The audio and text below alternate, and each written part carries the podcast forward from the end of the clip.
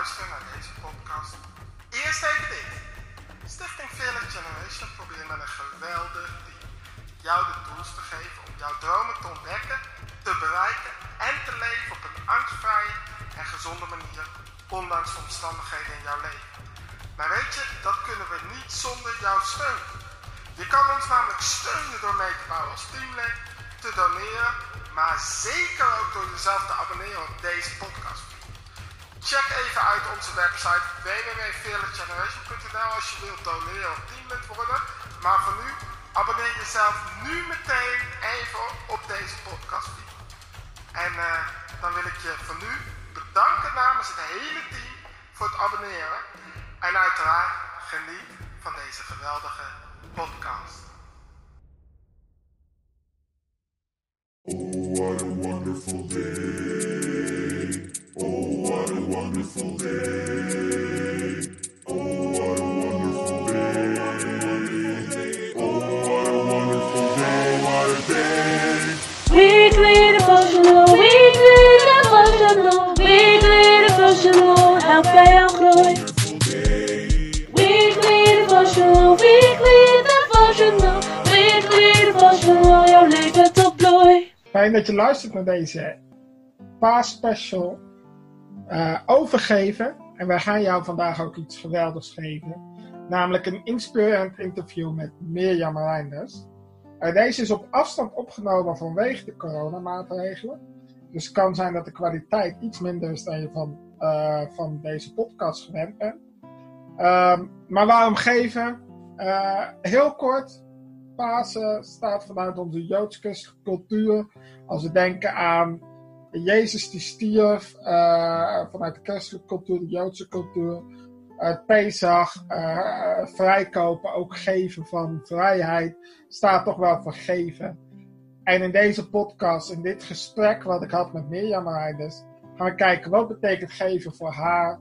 Hoe, hoe, hoe, wat kunnen wij daarvan leren? En wat kunnen wij meenemen om een levensstijl te gaan leven vanaf vandaag van geven? Veel plezier bij het luisteren naar deze podcast. Dit geweldige gesprek wat ik had met Mirjam Reinders over geven.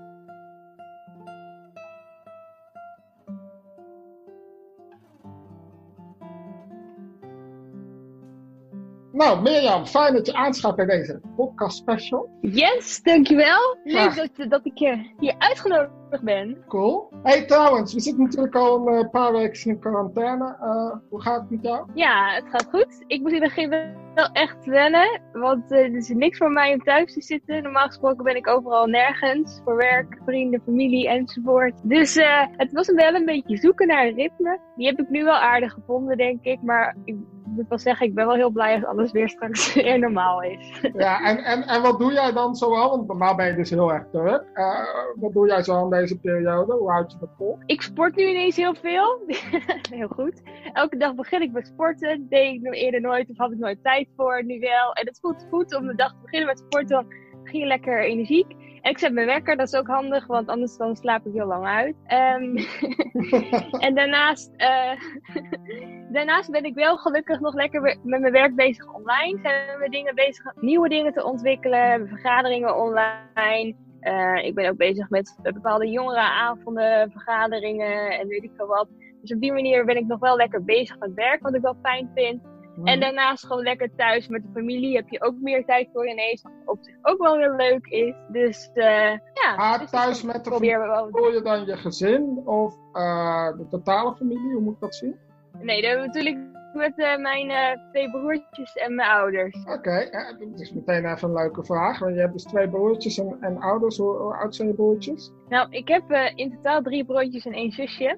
Ja. Maar ik ben de oudste. Ik ben 27. Dan heb ik nog een broertje van, als ik het nu goed allemaal ga zeggen, van 25. ja. En daarna hebben we nog, mijn ouders nog drie pleegkinderen in het gezin eh, toegevoegd. Nog een pleegbroertje van 21, een pleegzusje van 20 en mijn jongste pleegbroertje is 19. Zo, dus eh, allemaal eh, net, net uit de puberteit, althans in leeftijd. Ja, klopt. dus jij kan Dus gewoon... de eh, rust is wedergekeerd. ja, precies. Jij kan gewoon vrijelijk coronafeestjes geven thuis. ja, precies. Hey, eh, voordat we helemaal gaan beginnen. ehm, er is natuurlijk, dit is de eerste podcast special, eh, ook voor de luisteraars. Ehm, daarom, normaal gesproken, bij de volgende podcast special, verzin jij de nieuwe eerste vraag. Eh, deze is bedacht door de luisteraars. Dus eh, dat is misschien wel leuk. Wat is het meest waardevolle bezit wat je hebt? Ja, nou dat vond ik een hele goeie. En ik dacht, ik kan een heel heilig antwoord gaan geven als... Dat is de Bijbel. Of dat is eh, ja, een ring die ik van mijn oma heb gekregen. Op zich ook wel waardevol. Maar als ik toch heel eerlijk moet zijn, is het meest waardevolle bezit toch wel mijn telefoon. Oké, en, en Ik kan niet zonder mijn telefoon. oké, ja, dat zou je misschien toch wel Mijn moeten. Aan wie buiten jouw familie, vrienden en bekenden zou je die willen weggeven? Met code. Ja, nou, ik heb erover nagedacht. Ik vond het toch best wel. Ik dacht, ik dacht van, hmm, aan wie zou ik dat nou geven? En wie zou dan mijn telefoon nodig hebben? En, en toen moest ik toch denken aan, ik was eh, een paar weken geleden, net voor de coronacrisis, ben ik nog naar Egypte geweest. En was ik daar in een bepaalde wijk, de Garbage Ci- City. En er waren echt mensen die woonden echt tussen de vuilnis en die hadden bijna niks. En op een gegeven moment was ik daar met een meisje in gesprek, die heette ook Mirjam. En ik dacht van, nou, ik weet niet. Als ik iemand een telefoon gun, die hebben bijna niks, dan zou ik het aan haar geven. Ik weet niet of ze het weer zouden verkopen of ergens anders voor zou gebruiken. Maar in elk geval, dat was mijn idee. Ja, precies. En, en, en eigenlijk gewoon omdat je, omdat je vindt dat zij het nodig heeft. Precies. Ja, precies. Dan wil ik het aan iemand geven die het nodig heeft, zeg maar. Dan wil ik het ook, ja, iets goeds weten of zo. Op die manier. Cool, cool. Dat, dat is wel een eh mooie begin zo als we het toch gaan hebben over geven. Maar even terug naar je jeugd. Je bent iemand die volgens mij wel redelijk veel geeft. We hadden het net over je broertjes, zusjes, doe je, doe je pleeg, eh, eh, zeg ik goed hè?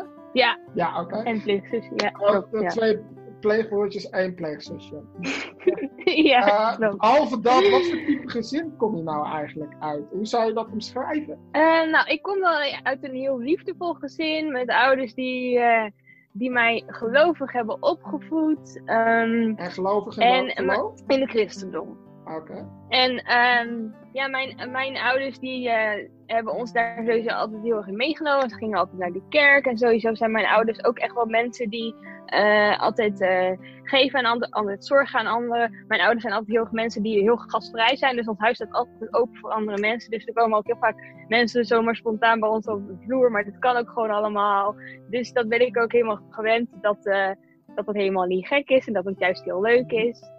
En eh, ondanks dat mijn ouders, zeg maar, zoveel, dat we een groot gezin zijn, eh, heb ik toch altijd het idee gehad dat mijn ouders altijd heel goed de aandacht konden verdelen over iedereen. Dus dat, dat de een niet zo gezegd hoger voelde dan de ander of zo. Cool. En eh, ja, ik heb echt wel een eh, goede kindertijd gehad. Ja, en, en, en waren je ouders, die waren liefdevol, maar waren ze, zou je ze omschrijven als ja, eh, redelijk eh, rechtlijnig of streng, of, of juist heel erg van vrijheid en democratie? Of, Mijn ouders zijn wel heel erg flexibel en van de vrijheid en van oh, doe maar en dan leer je er wel van, weet je wel, van, van het doen. Soms dan zijn ze er misschien niet altijd mee eens, maar dan zeiden ze van ah, doe het maar, dan zie je wel dat het eigenlijk niet goed gaat of zo, weet je wel, op die manier. Dus een beetje leren van je eigen fouten en eh, dus op die manier gingen ze, hadden- voeden ze ons ook wel op. Dus gewoon nou ja, verlengde daarvan, hoe, hoe was jij dan als kind thuis? Eh, eh, hoe ging jij dan bij om? Gedijde jij daar goed bij? Eh, wat voor type kind was jij eigenlijk? Nou, eigenlijk was ik als kind best een rustig kind. En ehm, ik was heel makkelijk. Mijn ouders hebben zelfs ook wel gezegd, en ik denk het ook, ik weet het niet, dat ik de puberteit voor mezelf heb overgeslagen. Misschien gaat die dus ooit nog een keer komen, of misschien niet, weet ik niet.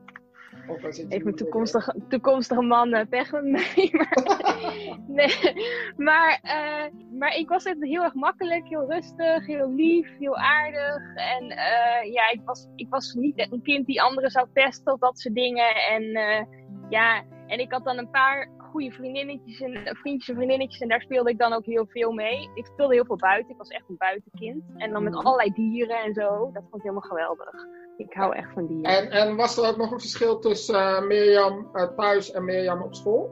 Ehm, wat een verschil tussen meer op school? Nou, in de, sowieso in mijn kindertijd niet. In de middelbare schooltijdperiode wel. En, en, en wat was dan het verschil? Hoe was je anders op school dan thuis of vice versa? In mijn middelbare schoolperiode. Ja? Nou, ik was sowieso van mezelf, was ik dus nog heel erg, eh, als kind ben ik dus heel erg, was ik heel graag veel aan het spelen en het doen. En dat heb ik eigenlijk tot en met groep 8 nog gedaan.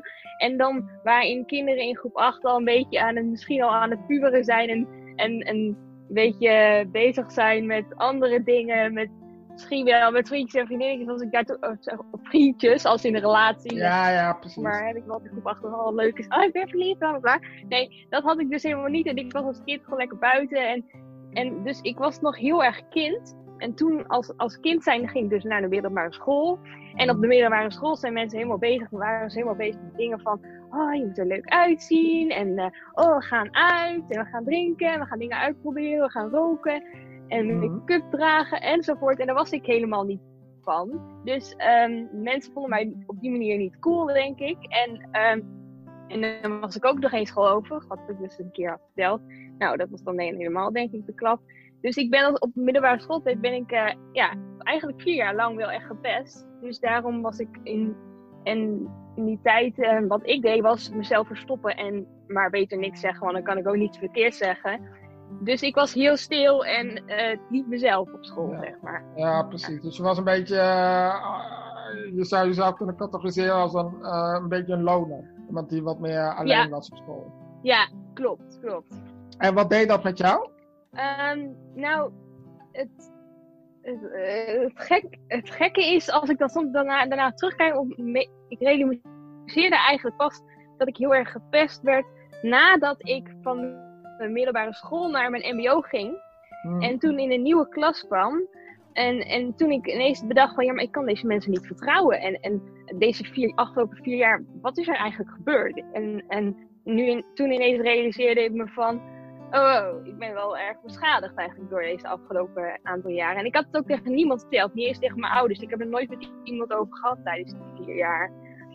Dus ehm, ik ben er heel erg alleen doorheen gegaan. Aan, maar aan de andere kant toch ook wel met het idee van, oh ja, er is wel ergens een God. Ik had nog niet echt die persoonlijke relatie met God. Maar ik had wel het gevoel dat hij er soort van bij was. En dat, dat gaf me wel het gevoel van, ik ben niet helemaal alleen. En dat heeft me denk ik ook geholpen, waardoor ik ook niet bijvoorbeeld in een depressie ben beland of zo. Ja, precies. Wat, wat ik me dan wel afvraag, want je benoemde net natuurlijk, ja, ouders waren heel erg, ehm, nou, je komt gewoon uit een supergoed gezin.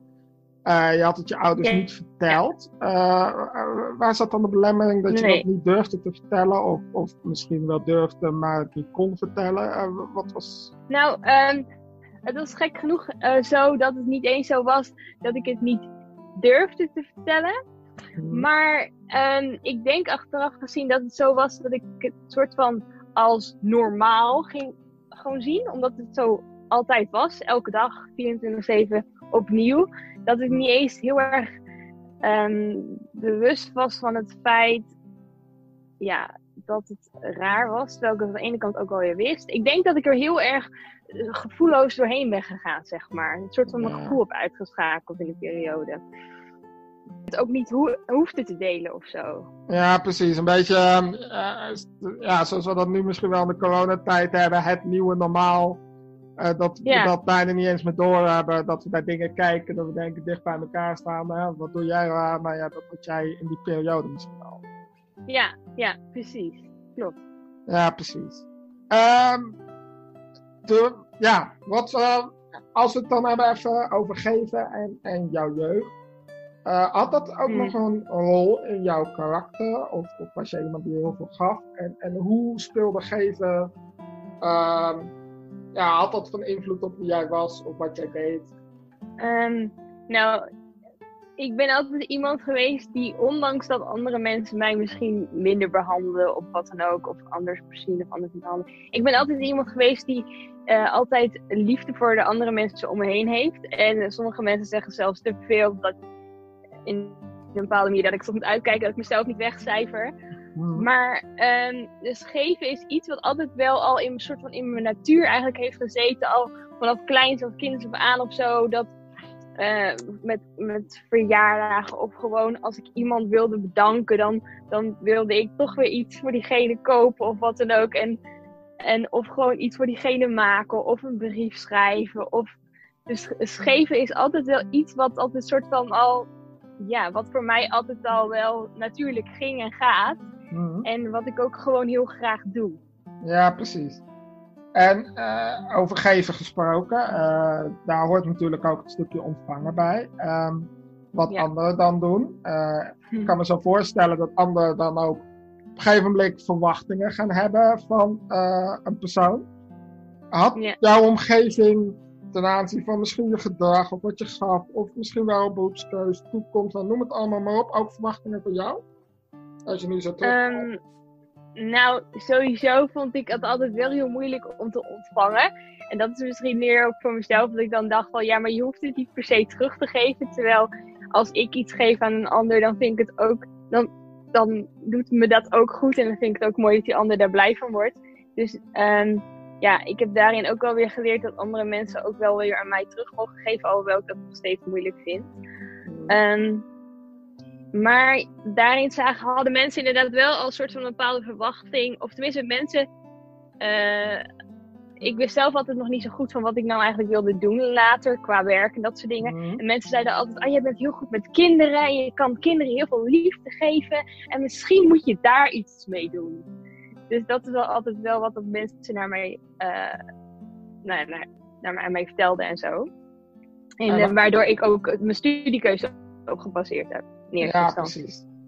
Ja, precies, dat wilde ik al vragen inderdaad. En, en eh, als we dan nog een heel klein stukje verder teruggaan, want dus jouw studiekeuze heb je inderdaad eh, redelijk gebaseerd onder andere op eh, toch wel een beetje de verwachtingen. Toen jij vier, vijf was, en misschien weet je het zelf niet meer, en hebben je ouders dat wel eens verteld, wat wilde jij eigenlijk laten worden? Ik wilde later heel graag dolfijnentracer worden. ik, ik, had dus heel, ik had dus heel erg wat veel met dieren en zo. En we gingen best wel vaak naar het dolfinarium.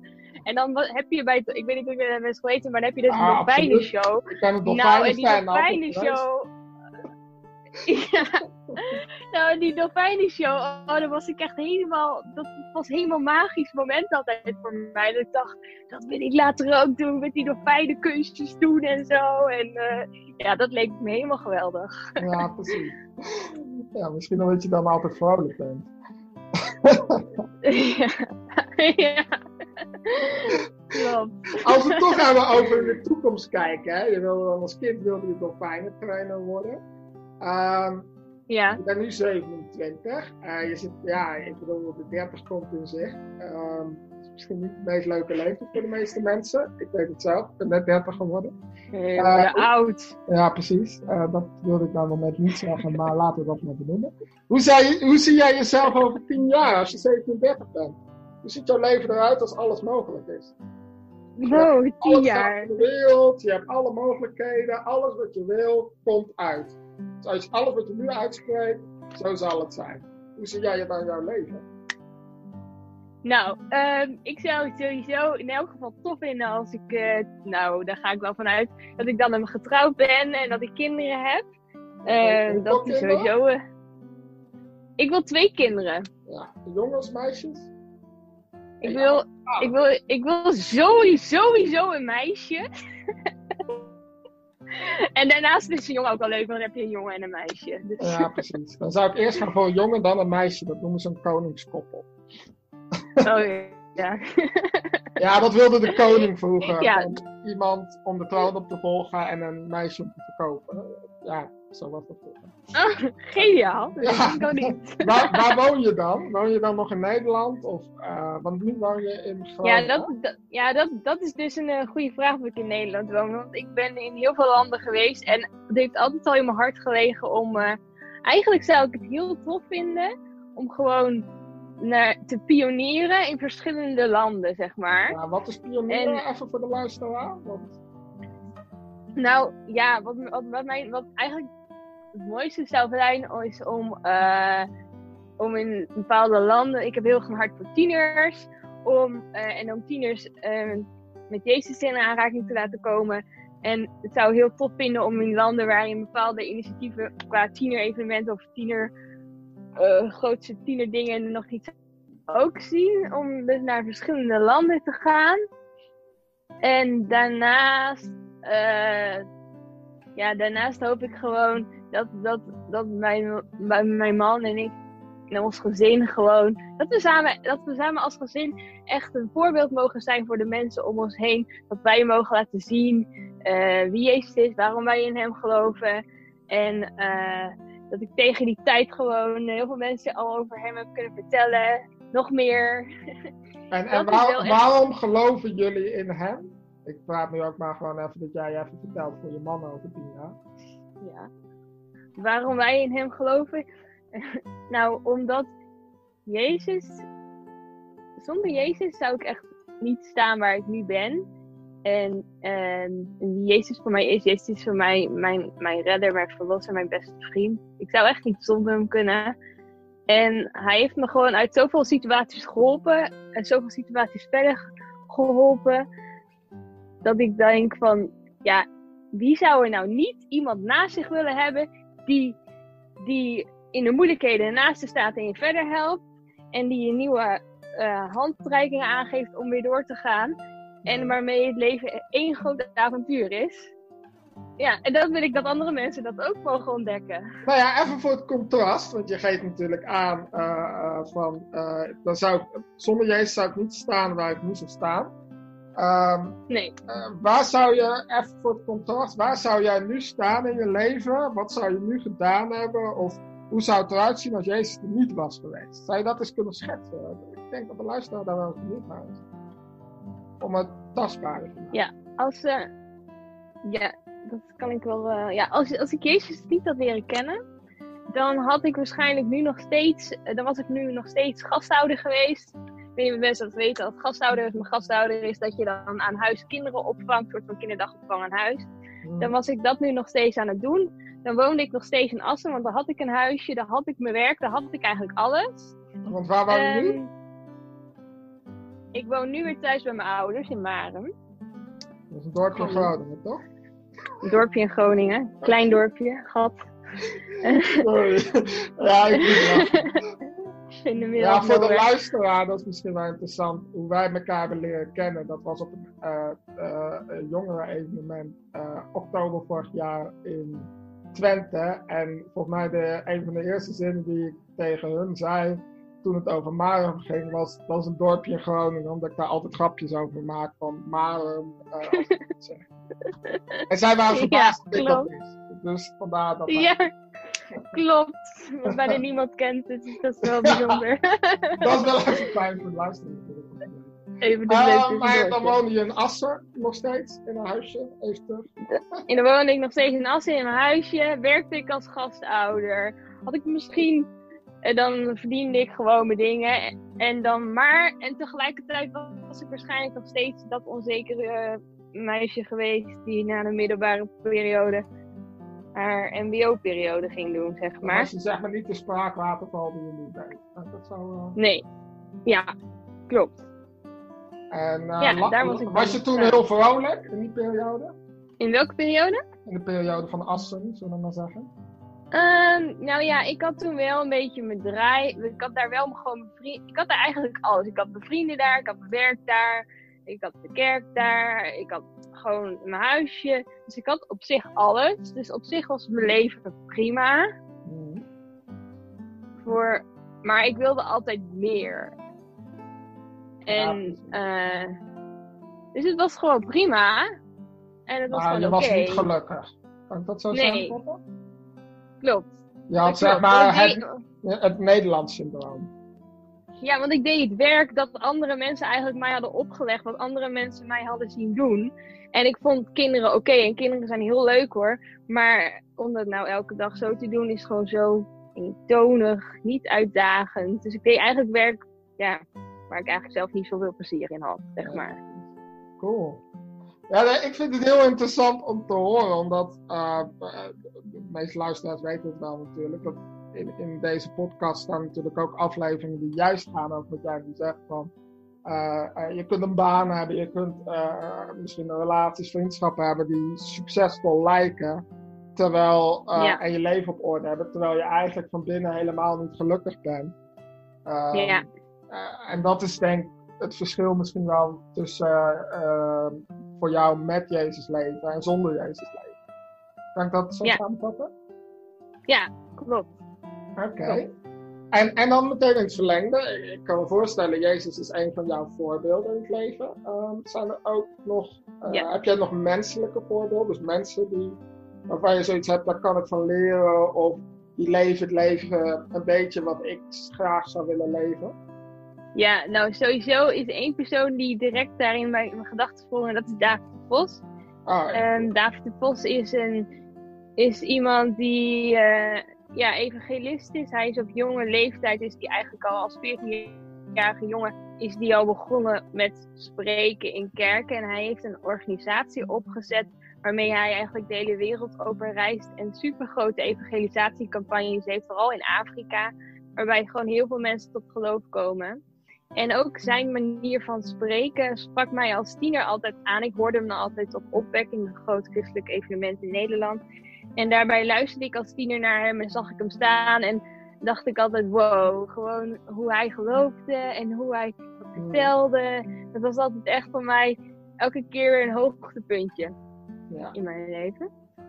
En, Dus, en, ehm, En, en eh, wat, wat ehm, want een voorbeeld is er vaak omdat je iets van die persoon eh, ook wil leren. Of eh, iets van die persoon in jouw eigen leven misschien wel zou willen of iets dergelijks. Ehm, als je één of twee dingen zou moeten noemen wat je van David de Vos wel eh, zo zou kunnen of willen overnemen. En dat mogen praktische zaken En- zijn, dat mogen communicatiële, relationele zaken zijn. Eh, Ja. Nou, wat ik sowieso heel mooi vind aan hem is eh, zijn nederigheid. In, in dat hij iemand is die altijd, ondanks dat hij ja, toch wel bekend is binnen Christelijk Nederland en supergrote campagnes en dingen heeft en zo, dat hij altijd iemand is die altijd naar God blijft wijzen en niet de eer aan hemzelf geeft.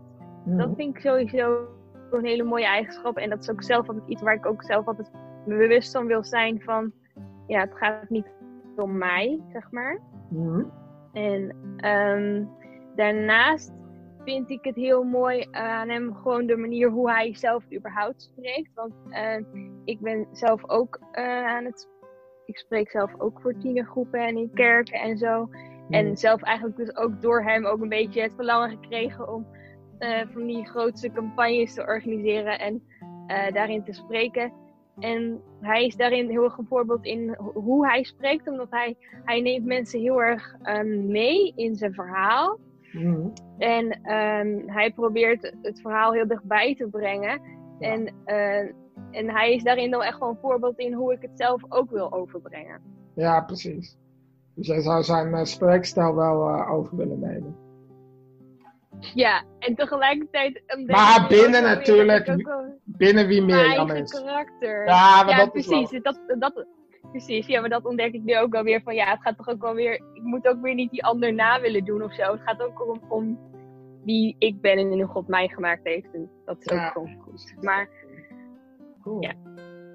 Nee, ik, ik, ik, ik vind yes. leuk. Ik zal doorgeven aan David. Ik ken hem wel redelijk. Dus eh ik zal het aan hem doorgeven Ja, dat hij even het- het- het naar maar envelop even. stuurt. Ik eh even een envelop stuurt en dan naar Maren opstuurt. ja. ja, dank je. Dat is fijn. Maar eh, over, over daarover gesproken, David komt natuurlijk veel in het buitenland eh, voor het werk dat hij doet. Wat voor werk, eh, Ja. we hoorden al een beetje, jij werkt veel met tieners, eh, je bent vlak voor de coronacrisis eh, in Egypte geweest. Je bent ook in veel Ja. geweest. Wat voor werk doe je Ja. nou eigenlijk? Ja, nou, ik werk dus bij OM, bij Operatie Mobilisatie. Je moet oppassen dat je niet zegt het OM, maar dan denken mensen dat ik bij het Openbaar Ministerie werk. Dat is een fout die ik in het begin maakte. Oké, Maar dan weten de luisteraars, het is dus OM en niet het OM. Dat zijn twee. We hebben ook een ander logo, hè? Want het ja, klopt. is blauw, volgens mij, en jullie zijn rood, hè? Wij zijn rood, ja, Ja, klopt. precies. Dus het rode OM. Rode OM. En het rode OM staat voor Operatie Mobilisatie. En dat is een christelijke wereldwijde zendingsorganisatie die eigenlijk in alle landen, behalve volgens mij Noord-Korea, volgens mij de rest in, zijn ze werkzaam onder de, de mensen en wat ze daar dan doen is, ehm, ze bieden bijvoorbeeld, ze kijken van wat voor nood is er in dit land en waar kunnen wij in helpen.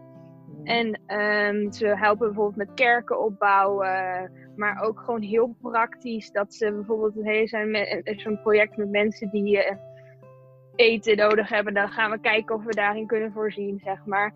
Dus ehm, het is heel praktisch, tot kerk, tot geestelijk, echt alle vlakken ehm, proberen hun een steentje bij te dragen vanuit het christelijk geloof. En, eh, en met een grootste boodschap om het evangelie te brengen en te verspreiden, want dat is echt waar OM voor gaat. En, en de naam En- operatie mobilisatie. Ehm Ja. Tenminste, als ik niet christen zou zijn en dat zou horen, dan zou ik denken aan een mobiele telefoon. Eh, moet ik die, die naam. eh, kan je daar iets over zeggen? Ja, want wij willen graag mensen dus mobiliseren om, ehm, dat, en dat is eigenlijk onze, ja, onze hoofdkern, is dat we, eh, onze operatie is om mensen te mobiliseren Ah, om, eh, om Jezus te leren kennen en ook om hun weer te helpen om andere mensen te mobiliseren, zodat het een doorgaand iets zal zijn, zeg maar. ja, dus een soort van. ehm, nou ja, zoals al die klimaatmars en climate change en, en, en weet ik wel, Extinction Rebellion. Ja. Dan vanuit het geloof, zeg maar. Een soort. eh, Ja, hoe, dat nou? Ik kan het woord even niet vinden. ehm, ja, online zou je zeggen dat het viral gaat. Kan het woord niet. Ja, ja, precies. Zo zie je maar luisteraars. eh, dit is live op. Het werkte als een virus, maar dan als een goed virus. Ja, precies. Inderdaad. Juist. Eh, een virus waar iedereen vrolijk wordt. Geen, dan Ja, niet Emil op band, maar dan nog leuker. ja, precies. Eh, en wat doe jij dan binnen die organisatie spe- specifiek? Want ik kan me zo voorstellen dat er heel veel gebeurt. Eh, jij bent wel een energiepersoontje, dus jij kan best veel doen. Maar ik denk niet dat jij alles doet. In je eentje. Nee, ik doe niet alles. Ik zit wel trouwens wel in het meest flexibele team binnen heel OM. Oh, even wachten. Tot ik weer hoor. Ik hoor je En dan Oh, even opnieuw vanaf. Ik zit trouwens in het meest wel flexibele als team focussen ons. Ja, wij als team focussen ons dus heel erg op de tieners en jongeren binnen Nederland in eerste instantie. En eh, wij gaan dus naar verschillende kerken, hebben een super top jongerenprogramma ontwikkeld, wat we op tieneravonden eh, organiseren en geven en draaien met hun. We organiseren ook tienerweekenden. En daarnaast gaan we ook nog naar alle grote christelijke evenementen binnen Nederland. Daar gaan we dan naartoe en daar helpen we mee. En daar vertellen we over ons werk, wie we zijn, wat we doen. Want jongeren, want we proberen ook eh, jongeren te mobiliseren om te gaan. Want dat is ook waar wij voor staan, dat tieners gaan. Want we hebben heel veel korte tot lange reizen die tieners kunnen maken om naar andere landen te gaan. Om daar dus eh, het evangelie te verspreiden door allerlei verschillende manieren. Dus dat doen wij ook. Maar daarnaast ontvangen we ook nog tieners en jongeren uit andere landen. Die voor bijvoorbeeld afgelopen zomer kwam er een hele grote groep tieners van 50 uit Amerika. En die gingen dan in Amsterdam verschillende outreach-acties doen om in Amsterdam Noord, in een wat armere wijk en andere verschillende plekken, ook zo het evangelie te verspreiden. Ja, precies. En een is dan Dus- dat ze de straat op gaan, neem ik aan. Hè? Ja, bijvoorbeeld. We gingen ook eh, praktisch zoals Stichting Procent eh, tuinen opknappen. Maar we gingen ook, er was ook een groep die de straat op ging. dus je hebt allerlei verschillende dingen waarin mensen eh, hun creativiteit of hun, hun draaiing kwijt kunnen zetten. En, en welke rol heb jij binnen dat team? Ik organiseer het dan samen met het team. Dus ik zet het dan he- helemaal op.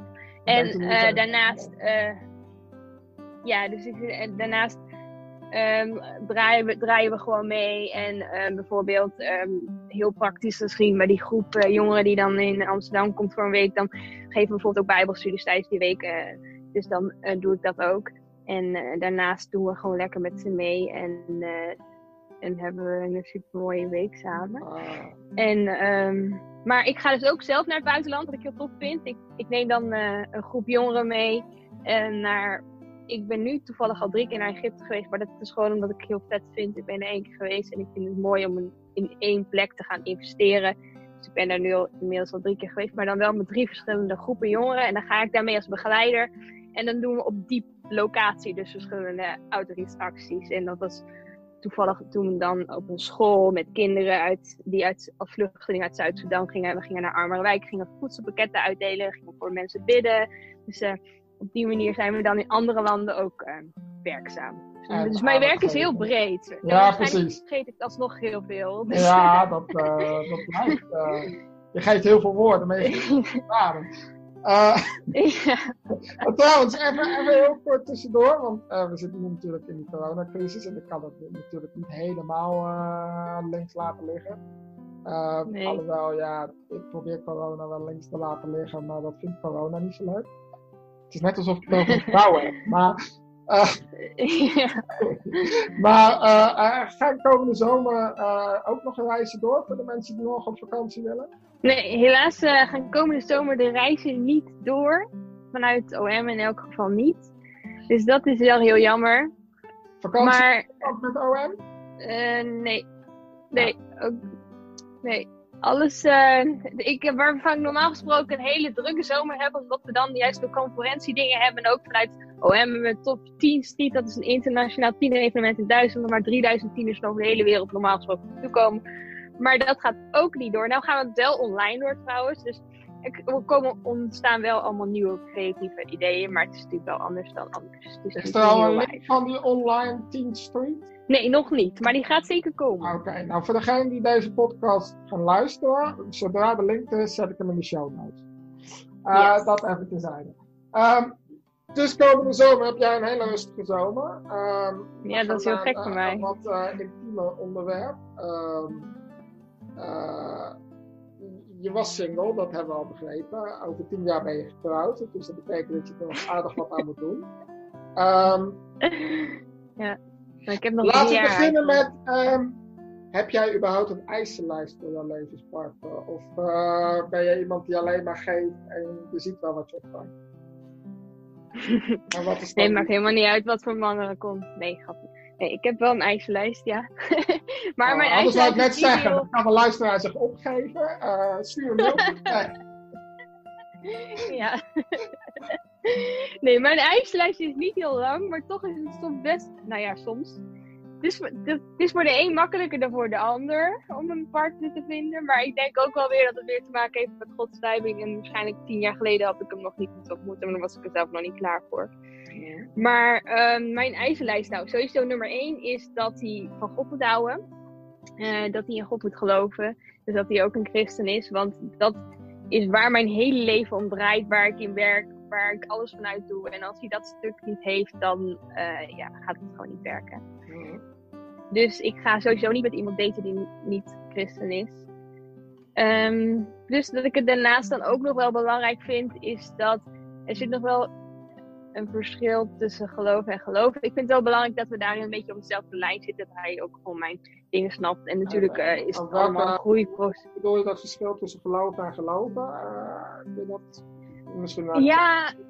Nou ja, nou ja, kijk, er zijn mensen die gewoon, ehm, en dat is gewoon prima hoor, die gaan gewoon zondag naar de kerk en die leven gewoon verder hun leven. En dat is gewoon helemaal goed. Maar ehm, ik wil leven, 24 tenminste dat probeer ik, 24-7 met God te leven. En ik doe misschien iets wat niet alle mensen zouden doen bij zo'n organisatie werken en afhankelijk zijn van, van sponsors en, en niet een normale baan en werk en leven hebben op die manier. Eh, dat moet iemand wel snappen en begrijpen. En eigenlijk ook hij hoeft niet per se bij OM te komen werken, maar hij moet wel een beetje ook zo in het leven staan. Want eh, bij jouw M was het ook zo natuurlijk dat je, hoe zat het nou? Je moest een jaar lang single zijn of zo? Zoiets? Zo'n ze toch? Of eh, of vergeet ik me nou? Nee, als je zeg maar met OM, dat is, eh, als je met OM zeg maar op zendingsreis zou gaan, bijvoorbeeld voor twee jaar of zo, Ja, dan mag je het eerste jaar niet daten. Oké. Dat, eh, en het tweede jaar mag het wel, maar dan moet je toestemming vragen. Maar Moet dat ook bij jou? Of, nou ja, ik werk vanuit Nederland, dus op een kantoor hoeft het blijkbaar niet. Oh, nou ja. eh, dus mannen van Nederland? Nee, ja. dat is geen belemmering. werken in teammobilisatie. Nee, precies. Ehm, maar dus, eh, je wil een beetje 24-7 eh, eigenlijk Ja, dat, zijn, laat ik het zo zeggen. eh, in Ja, plaats dat van is, één dag in de week. Dat is nummer één. verder? Nummer twee, nou, ik zou het sowieso heel leuk vinden als het een man is die. Het moet geen huisje, boompje, beestje man zijn, want dat ben ik totaal dus ook echt niet. Het moet iemand Weet zijn die avond. Dat valt af. Ga door. hij moet hij- avontuurlijk zijn en houden van spontane acties en zo. Want daar ben ik ook heel erg van. En ehm, ja, dus dat is heel belangrijk. dat is eh, wel nummer twee. Nummer drie is, ja, ik ben dus wel echt zo'n bla bla bla persoon. Maar ik vind het ook fijn als iemand anders ook gewoon lekker kan kletsen. Dat je gewoon lekker bij wijze van de hele avond samen kan praten en zo. Eigenlijk een spreker, daar komt het op neer. Niks, niks om de verlegen mensen of zo. Maar ja, het is, ik wil wel gewoon iemand hebben met wie ik gewoon eh, ja, lekker een conversatie kan Ik hebben. denk dat de luisteraar Want ik heb steeds namelijk- meer En ik spreek uit ervaring dat ik Ja. dat wel vaak een keer heb meegemaakt. Dus dat is een beetje irritant. Ja, ik, ik denk dat de luisteraar langzaam wel snapt dat je wat langer single bent. Dat is niet verkeerd, hè? Totaal niet. Maar ik bedoel, kijk, avontuurlijk, eh houdt van spontane acties. Nou ja, het merendeel, tenminste in Nederland, van de Nederlandse nou laat ik voor mezelf spreken. Het merendeel van de Ja. Nederlandse mannen die ik ken, en we zitten ja, dezelfde leeftijd, dat zijn toch, ja...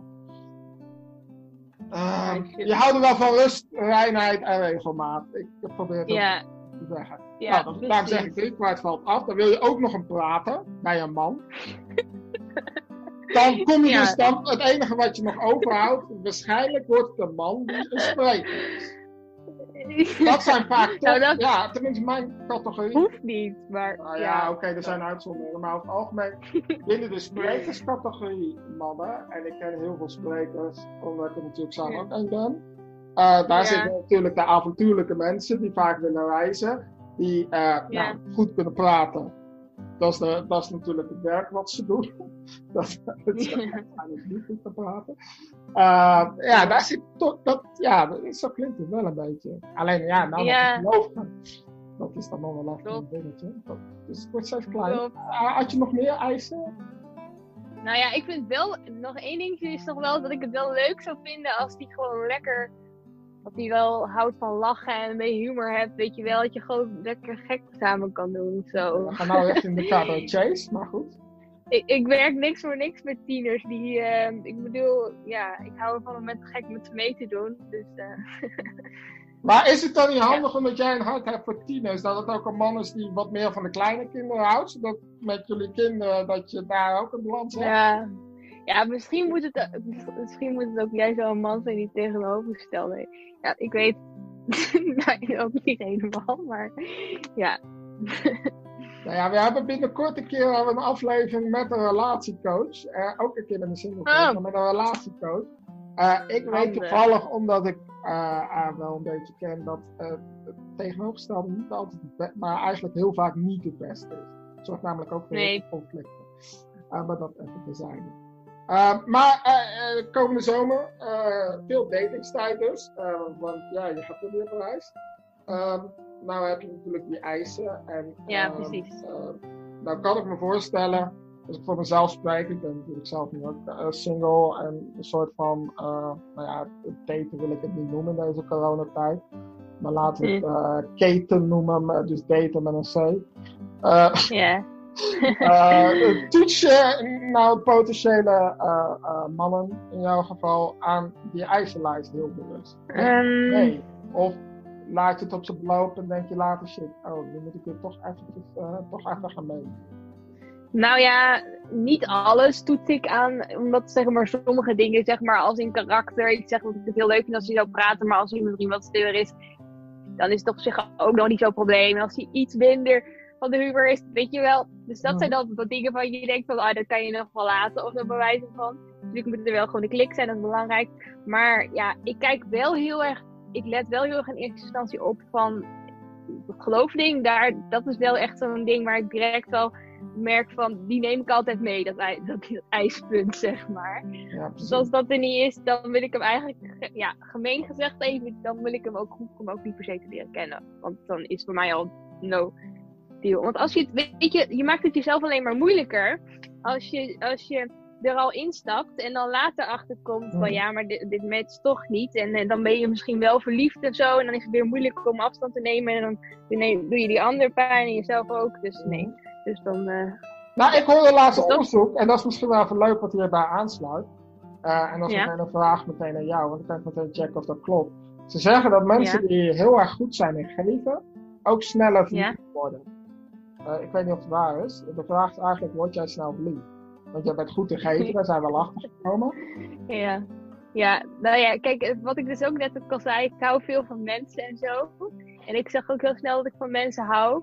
Dus ik ben inderdaad wel iemand die heel snel verliefd kan worden als ik niet oppas. Ja, en vroeger had precies. ik dat helemaal, heel erg. Of maar heel erg, ik hoefde maar iemand te zien en ik was dan helemaal stapel en ik echt, echt heel erg verliefd. Nou, dat heb ik dus nu al leren, nou ja, niet uit te schakelen, maar leren minderen, om het zo te zeggen. Want eh, anders dan eh, maak je jezelf ook elke keer eh, weer. dan elke keer heb je liefdesverdriet na terwijl Ja, je misschien nog niet eens ooit contact met die hebt gehad. Ja, precies. En dus dat, is dat dan ook de reden dat je dan eh, dat, dat geloofstukje dus heel bewust nou ja, zo, zo scherp laat stellen? En het misschien iets minder op zijn beloop laat. Tenminste, zelfs voor mezelf spreek ik ken ook wel stellen die bijvoorbeeld qua een geloofsding of, of een dealbreaker niet op één lijn zaten en dat uiteindelijk ja, op eh, nou ja, de meest bizarre manier toch eh, op een lijn is gekomen. Maar is dat Ja. is dan de reden ook een beetje toch op dat je weet dat je snel verliefd wordt, ehm, eigenlijk een soort rationeel iets van nou, laat ik dan maar niet te snel verliefd worden? Ja, en ook inderdaad wat jij zei, ik heb ook wel zelf ook persoonlijk meegemaakt dat andere mensen om mij heen eh, wel voor elkaar kozen en zelf met elkaar gingen trouwen, maar waarvan zij dan eh, heel anders in het geloof stond en ze zelf ook was van ah, avontuurlijk en hij huisje boven de beestje en ze dus nu eigenlijk best wel gelukkig is en heel veel dingen niet kan doen en niet kan delen, dan denk ik van ja, dan wil ik niet. Dan ben ik maar iets kritischer of zo en dan wacht ik maar iets langer. Maar dat wil ik zelf niet meemaken. Ja, precies. Of, nee. Het is toch degene wie je leven lang door, door moet leven. Dus eh, dat is wel de bedoeling. eh. dan, mag, dan mag je ook wel eisen hebben, denk ik dan. Ja, nee, ja, daar ben ik het helemaal mee eens. Eh, kijk, het is natuurlijk geen garantie. Ik bedoel, nee. ben zelf bescheiden helaas. Maar Ja. de bedoeling is meestal wel als je voor ieder gaat, dat dat in ieder geval tot de dood zo is. Eh, Ja, precies. Dus ja, dat is wel een, een beslissing die je hopelijk eh, wel wat eh, overdenkt. Wat soms wat lastig is met al die hormonen. Ja. Ehm, ja, laten we eerlijk zijn. Vlinder. Ja, Ja. of nou, noem ze maar op wat je in je buik hebt lopen. Ehm, Ja. ehm, ik zit even te denken wat ik. Ik ben nog wel even nieuwsgierig. Als jij een definitie zou moeten geven aan het woord geven. Ja, zag. Eh, wat, wat is dan de definitie? Hoe zou je dat omschrijven voor jou? Nou, eh, als ik denk aan het woord geven, dan moet ik eigenlijk sowieso. Ik moest eigenlijk dan direct denken aan. eh, is een verhaal in de Bijbel. Waarbij op een gegeven moment. dan geeft Jezus die vertelt dan ook over, over het geven en over, over je hart daarin. En ehm, er is dan een vrouw en iedereen geeft dan eh, zeg maar geld in, de, volgens mij was het voor de collect of zo. En dan was er een vrouw en die had eigenlijk nog maar één muntje. En dat was het laatste wat ze had. Verder had ze helemaal niks meer. Maar ze gaf dat muntje alsnog. Mhm. En ik denk dat dat voor mij echt is iets wat geven is. Geven is iets geven, ondanks dat je zelf niet weet wat je daarna voor terugkrijgt. Of dat je er überhaupt iets voor terugkrijgt. Maar je geeft het omdat je het wil geven vanuit de liefde. En ehm, vanuit een bepaalde overgave. Mhm. Omdat, ja, omdat je eigenlijk niet anders, omdat je eigenlijk niet anders kan of zo. Dat je denkt, van, ik moet dit gewoon doen. Ja, geven zonder verwachting. wil. Ja. Oké. Klopt. Cool. Cool. Dat is meteen ook een uitdaging. Tenminste, als ik naar de maatschappij vandaag dat is sowieso kijk. een uitdaging. Ik bedoel, eh, wij en het is voor Nederlanders. mezelf ook nog steeds een uitdaging hoor. Dus dat eh, zeg het heel mooi, maar eh, ja. Ja, nee, ja, ik bedoel, ja, je bent ook een Nederlander. Wij, wij denken toch vaak Mm. altijd wel een beetje voor wat hoort wat. En als iemand iets Ja. geeft zonder een verwachting, dan denkt degene die het moet ontvangen, eigenlijk altijd. eh, nou, er zou ergens wel een addertje onder het gras zitten. Ja, Dat is toch een beetje ook onze Nederlandse cultuur. Ik denk ook wel een van de ziektes uit Ja. onze cultuur. Ehm, die Ja. ik toch ook wel als persoon denk ik ook wel meenemen. ja, klopt. Maar dan over het geven gesproken. Als, jou, als jij jouw leven. Ja. ja, ik probeer hem nou naar je definitie te stellen, maar dat lukt niet helemaal, denk ik. Maar maakt niet uit. Eh, als je je leven zou moeten geven voor iets waar jij als persoon niks voor terugkrijgt, maar waar de wereld wel beter van wordt. Eh, wat zou dat dan zijn? Voor wat? Als ik mijn leven zou... Je, stel, jij zou vandaag doodgaan. Ja, En de wereld krijgt daar iets voor terug. Nou, daar heb jij in principe als persoon niks aan. nee. Geen bijzondere verwachting in die zin. Wat zou Ja. de wereld daarvoor terug moeten krijgen? Wat, wat zou je willen? Waar zou jij dus eigenlijk je leven voor geven? Ehm, nou ja, ik denk dat ik gewoon in eerste... Dat ik moet denken aan... Ik zou mijn leven geven... Tenminste, ik hoop dat ik dat zou kunnen. Dat ik mijn leven zou kunnen geven voor, voor, voor mijn geloof, voor God, voor Jezus. Ehm, dat ik echt gewoon mijn hele leven... En ik zeg het ook vaak tegen... Of tenminste, ik probeer er ook vaak bewust van te zijn van... Ik geef mijn hele leven aan Jezus, zodat Jezus zich helemaal door mij heen kan werken. Ehm, maar er zijn ook genoeg mensen die hun leven hebben gegeven voor het geloof. In onderdrukking of in andere landen, waarbij je dus niet zo Mhm. vrij uit je geloof kan leven zoals wij dat hier vandaag kunnen doen. En, ehm, maar ik hoop wel oprecht dat bijvoorbeeld, want ik heb dan wel eens, eh, ja, dat is natuurlijk een heel heftig verhaal, maar een verhaal gehoord waarvan een meisje dan in een school pistool tegen haar hoofd kreeg en dat ze zei van geloof jij in Jezus, ja of nee? En dat je dus eigenlijk bijna weet als je ja zegt, dan gaat hij waarschijnlijk schieten en dat, gebeurde toen ook. En dat is echt zo'n meisje waarvan ik denk van ja, ik hoop dat ik dan ja kan zeggen. Ik hoop dat ik dan echt mijn leven zou kunnen geven. En En, wat zou de wereld daar dan voor terugkrijgen? Wat, wat, eh, wat zou je de wereld... Eigenlijk als jij nu sterft, wat zou de wereld Ja. krijgen? Dus geef jij aan de wereld? Eh, Ja. Of wat hoop je dat de wereld dan krijgt? Laat ik het anders stellen. Nou, als ik dan direct naar haar kijk, in haar voorbeeld, is dat haar leven daardoor juist op mij, eh, mij al een hele grote indruk heeft achtergelaten van wat voor offer zij wilde eh, geven ehm, daarin. En daardoor dat ik dan zelf ook daar weer van leer en denk van, oh wow, het gaat inderdaad niet om mezelf, het gaat echt om, om, om hem, om Jezus. En, ehm, en ik hoop ook dat als ik mijn leven nu zou eindigen, dat mensen om mij heen ook eh, kunnen zeggen van ja, ze was echt iemand die, ja, die in alles ehm, Jezus liefde probeerde door te geven, te verspreiden en te geven aan andere mensen om haar heen. Dat, dat En, wat dan? Of wat heb jij van dat meisje geleerd? Wat heb jij gekregen van dat meisje? Als je dat in één of twee woorden moet omschrijven. Dat is lastig voor jou, Mm. denk ik. Wat ik van haar heb gekregen. Nou, ik denk gewoon, eh, eh, die film die heet ook Fearless. Dus zeg maar, zeg maar zonder angst eh, gewoon over het geloof kunnen vertellen. Want kijk, hier in Nederland kunnen we gewoon over het geloof vertellen zonder angst. We worden niet direct doodgeschoten. Maar alsnog vinden we het soms heel eng en spannend, omdat niet iedereen het snapt en begrijpt. En denkt van ja, maar dat geloof ik, dat is maar raar. Mm. En ik wil gewoon daar, daarover kunnen vertellen zonder dat ik me voor schaam. Ja, ehm, Dat het... en nou in twee woorden. ja, ik probeer dat zelf samen te vatten, maar ik denk nee, dat was de vraag aan jou. Nou ja, wat, twee woorden. Wat zij dus bij je geleerd is wat? leven zonder angst. Getuigen zonder angst. Dat je ac- accepteren. Nee. Ja, sorry, mijn woorden zijn te lang. Ehm, zou je kunnen zeggen dat als je naar je jeugd kijkt, maar misschien ook naar je werk, ehm, naar je datingleven, dat dat leven zonder angst, eh, wat, wat, eh, ehm, dat je daarnaar streeft, dat dat ook enigszins lukt of gelukt is? Ja, ja, heel erg. Ja, want vroeger was ik juist, eh, zeg maar, in mijn tienerperiode was ik dus juist wel een angstig meisje, zeg maar, die, die me ging verstoppen en zo. En ehm, ik heb een, een, een bijbelschool gedaan, een vormingsjaar eigenlijk, zo heette het ook. En daarin heb ik echt wel ontdekt wie ik ben.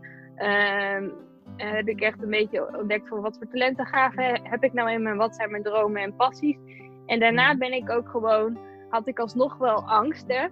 Maar heb ik gewoon geleerd om gewoon te doen. En, en, en daardoor dus eigenlijk over die angst heen te stappen. En door dat telkens te doen, groeien en ontwikkel je. En, en, en daardoor is het nu ook echt mijn levensstijl ehm, geworden. Om, ondanks dat ik dingen spannend en eng vind, om het maar gewoon te gaan doen. En eh, daar juist overheen te stappen en me niet daardoor laten stoppen. Want ik wil niet later, als ik eh, op een sterfbed zou liggen, van oh had ik toen maar dit Oh, of ja, dat toch gedaan of zo, weet je wel. Oh ja. Ik wil alles uit het leven halen. Ja, precies. Helemaal mee eens. Helemaal mee eens. Ja. Ja, ik moet ook zo denken, maar dat, misschien dat de luisteraar dat eh, ondertussen wel geluisterd heeft. Maar eh, eh, er zijn ook wat podcast specials, of corona specials eigenlijk verschenen. En in een van die specials heb ik het zelf over angstvrij door de coronacrisis. En als ik om me heen kijk, de mensen die ik echt goed ken, maar ook bij mezelf. Ja, klinkt heel hard, maar ja, ik weet niet wat angst is. Terwijl ik werk deels in de horeca, deels in de kunst- en cultuursector eigenlijk als spreker zijn. eh, dus ik zou eigenlijk het meest bang moeten zijn. Ik hoor bij een risicogroep. eh, de helft van mijn familie hoort bij een risicogroep. En waarin ik zelf ook benoem, en misschien is dat dan ook wel de link, misschien wel heel erg eh, voor jou denk ik met Jezus. Van eh, het feit, eh, ehm, je wordt bang als je eh, als mens, als je het gevoel hebt dat je niet meer de controle hebt. Maar als je zelf al hebt geleerd om niet de controle te hebben, dat je weet dat je niet de controle hebt. eh, en die Ja. controle eh, aan iemand anders hebt overgegeven. Dus eigenlijk gaat leven vanuit vertrouwen, wat het tegenovergestelde is. Dan, eh, dan besef je dat je nooit de controle hebt. Dat je die ander, wie dat dan ook mogen zijn, in jouw geval Jezus. Ehm, eh, dat die de controle heeft en jij toch niet. Dus dan Ja. verdwijnt de angst, denk ik. Kan ik dat zo... Ja. eh, Ja, klopt. Ja, dat is heel goed uitgelegd. Dat is inderdaad precies zo. Ja, ik bedoel, Ja. want ik bedoel, we kijken natuurlijk naar het nieuws eh, vandaag de dag. Maar ja, ik, ik, ik, eh, 7 Ja. miljoen virologen is al veel. Maar laten we de viroloog op tv nemen, die weten het allemaal namelijk ook niet. Eh Rutte zegt, ja, ik Nee. moet met 50% van de informatie 100% van de beslissingen nemen. Nou denk ik dat dat altijd zo is. Want je- mijn moeder zei altijd, je Ja, bent morgen niet eens of je er bent. Maar eh, ja, dus je hebt gewoon sowieso als mens nooit de controle. Nee, klopt. Klopt. Dan dat ik denken wel- mensen dan wel. Ja, precies. hey, eh, voordat we echt helemaal richting de afsluiting gaan. Ik heb wel even twee, Ja. twee, eh, twee of drie. Ik ga even kijken hoe we het doen. Leuke dilemma's. Ja. Ik, eh, we moeten Nee. een beetje grappig af. Ehm, Ja, Oké. Komt ie aan. Hè? Je moet kiezen. ja. Getrouwd zijn met Mark Rutte. Voor de rest van je leven. En niet de mogelijkheid hebben om te scheiden. Of iedereen zal Oh. altijd leven met angst. Tot in de eeuwigheid. Oh, ik kies voor de eerste. En waarom? Ja, dat is dan toch wel weer mijn persoonlijkheid. Dat ik dan denk, ja, die andere mensen moeten niet met angst leven. Ja, Dus dan eh, ben ik maar met... Dan, dan ben ik toch wel weer met Rutte getrouwd. Is die eigenlijk nog single? Die man. wij weten Ik wel. eh. ik hoor soms wel eens verhalen dat hij homo is. Ik hoor ook verhalen dat Halina Rijn dat hij gedate heeft. Maar zover Ja, ik oh. single. En ik moet ook zeggen dat als jij zoveel kan werken, nog steeds altijd vrolijk kunt zijn. En ik moet zeggen, Ja, ik heb ook heel Ja. veel passie voor mijn werk. Maar hij zegt altijd vrolijk. Maar echt altijd. Ik moet je heel eerlijk Ja. zeggen, dat ben ik niet altijd. Nou ja, nu wel, nu ik single ben. Maar als je getrouwd bent, ben je dat niet altijd. Kan ik je garanderen. Dus dan je ik ook weet zeker dat hij single is. Ja. Ja, Maar precies. dat is mijn theorie, ja. Eh, Niet iets dat er komt. ja, precies. Ehm, ja, nee, die is te makkelijk voor jou. Eh, oh ja, deze, deze vind ik wel een leuk dilemma. Oké, je kent Thierry Baudet? Ja, ik, ik ken hem. Eh, Oké, Ik had hem al even gegoogeld. nou ja, ehm, hij is wel heel erg van de, zeg maar, hij is te- Ja. hij- de- de- de- Hij wil alleen maar blanken, begreep ik. Ja, klopt. Oké. nou, het is even goed dat je dat weet. Ehm, Ja. voor, eh, voor altijd, de rest van je leven, de dromen en idealen van Thierry Baudet waarmaken. Of Nee. iedereen zal altijd tot in de eeuwigheid leven met angst. Dat is heel irritant. hè? Ja, het zijn dilemma's. Ehm oh, dat is een hele irritante. Oké. Ja, maar, ja, nou ja, maar hij zit, woont in Nederland, dus dan is het alleen in Nederland alleen maar blank. Of zo. Ja, Eh, misschien dan toch wel. Wel waar die verstrijd eh, die in Noord heb ik in ieder geval wel. Nee, ja, misschien dan toch bij de eerste. Ja, want anders moeten mensen de hele eeuwigheid tot angst leven. Nee, dat, nee. Dan maar gewoon Maar- alleen maar blanken in Nederland. Ja, precies. En nogmaals, je probeert het waar te maken. Dat wil niet zeggen dat het lukt. Eh, dat is mijn geruststelling. Nee. maar toch offer je je eigen leven weer op En daarna- dan verhuis ik gewoon naar Nederland. En dan. eh, Ja, maar dan moet je daar ook de dromen en idealen van Thierry Baudet waarmaken. Oh. Ja. Het is de rest van jouw leven. Maar goed, het is jouw leven, dus het scheelt niet. ja. Nou ja, dan toch weer de geest van jou die naar boven. Hey, voordat we naar de afsluiting gaan, ik wil jou toch even de mogelijkheid geven. Heb jij nog een dilemma voor mij? ja, ik had wel een dilemma. Het is een christelijk dilemma trouwens. Oké. Oké, ehm, dus je mag kiezen. Of je wilt zien dat Jezus een blinde man geneest. Of je wilt zien dat Jezus over het water liep. Want dat deed hij in de Bijbel namelijk. Oh, zo. Wat wil je zien? Ik weet het wel. Maar... Ik denk toch dat ik dan voor over het water lopen ga. Ehm, en dat is eigenlijk, eigenlijk water. simpel, als ik heel eerlijk ben. Ehm, omdat ik, ik heb zo natuurlijk ook wel redelijk wat gereisd, ook als spreker zijnde. Eh, en ik heb in die zin Ja. Ook echt wel blinden als in genezen mensen uit rolstoelen zien opstaan. Eh, dat wil niet zeggen dat dat niet bijzonder is.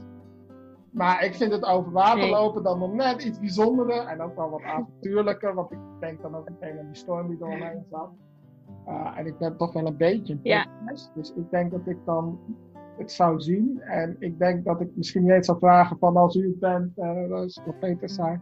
Ik denk dat ik gewoon, ik zie het, oké, Ja. hij kan het, ik stap er ook uit. Ik loop er ook. Mooi. ja. En dat terwijl ik geen water had. Leuke vraag, leuke vraag. ja. Oké, Ik zou gaan- ook gekozen hebben voor het water. Ja. Waarom eh, zou jij daarvoor gekozen hebben? Even- En dat is gewoon iets, iets, iets bijzonder. Ja, die andere is ook bijzonder, maar dit is gewoon iets wat ik nooit meegemaakt. Ik heb trouwens wel zelf ook een keer geprobeerd met eh te spreken. is nog niet gelukt, helaas. We hebben nog Ja, niet ik goed heb het ook wel geprobeerd, maar tijd voor het nog maken. Op het ijs lopen, dat lukt nog wel. Ja, dat is ook op water lopen. Of dat je water op de grond gooit. en dan, ja.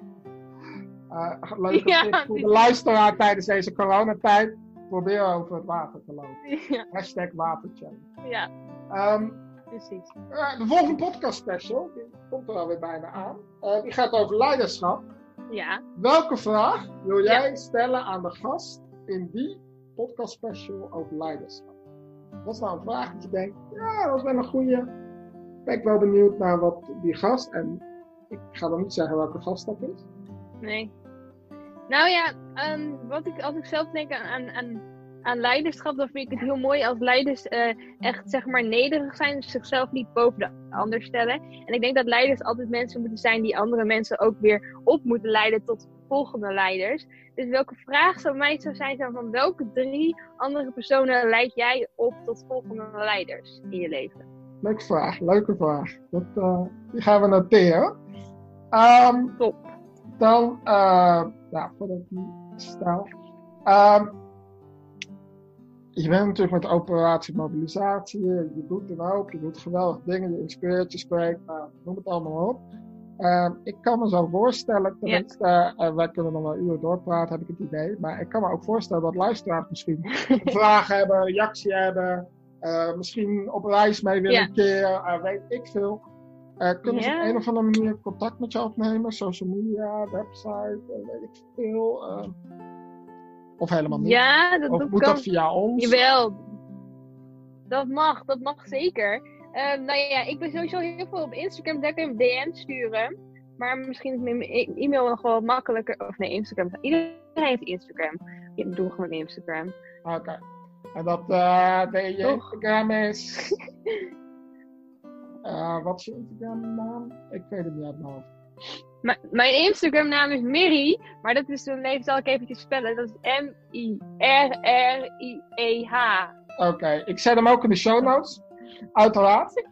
Ja. Ehm, dus iedereen kan Stuur jou me een DM. stuur een DM, slide in de DM van Mirjam. Eh, als je een vraag of reactie hebt. Eh, als je nou aan de eisenlijst voldoet van eh, de perfecte man, mogen ze dan ook sliden in je DM? op een normale manier. Ja hoor. Ja, hoor. Maar alleen als je voldoet aan de eisenlijst. Dat is wel even handig. Alleen dan, ja. Ja, precies. Dus als je niet helemaal voldoet, doe het dan niet. Want we zetten je in de show. Nee, nee. nee. Sorry. ja. Dan eh, wil ik jou vast bedanken, Mirjam, voor jouw inspirerende verhaal. Eh, ik vind dat je een heel Yes, inspirerend persoon bent. En dan wil ik eigenlijk afsluiten met Dank. jij mag vertellen, misschien nog aan de luisteraars. Of jij, heb jij nog een, Ja. ja, een, een korte praktische tip of inspiratie of quote, iets wat je de luisteraars mee kan geven om eh, om te gaan geven en om misschien ook wel te leven zonder angst. Dus het woord Nou, ehm, nou, ik moest denken aan een, aan, aan een afbeelding die ik zelf een tijdje geleden ook gezien en dat vond ik een hele mooie. En daarbij was zo'n meisje die had zo'n zo'n teddybeer in haar hand en eigenlijk wilde ze die niet afgeven. Eigenlijk wilde ze die niet weggeven. Maar ehm, daarnaast zag ik dan Jezus staan en die had dan achter zijn rug echt een super grote teddybeer. Veel groter dan die kleine teddybeer die zij in haar handen heeft. En dat, dat weerspiegelt eigenlijk het, het geven, zeg maar. Weet je, als je geeft, dan geloof ik ook dat je er nog zoveel meer voor terugkrijgt. En, en dat je sowieso, je wordt er blij van als je aan anderen geeft. Ehm, het, het voelt goed en mensen vinden het mooi en die willen jij, jou juist alleen maar weer dingen teruggeven. En ik geloof ook juist dat God jou ook nog weer veel meer terug wil geven. En dat het daardoor ook nog weer ja, een weerkaatsing zal zijn, wat gewoon overal verspreid mag worden. Deze podcast is geproduceerd door Fearless Generation. We hebben geprobeerd om alle rechthebbenden te benoemen in deze aflevering. Wil je meer content zien, lezen of horen? Of wil je contact opnemen? Dat kan via fearlessgeneration.nl. Dat is fearlessgeneration.nl. Aju.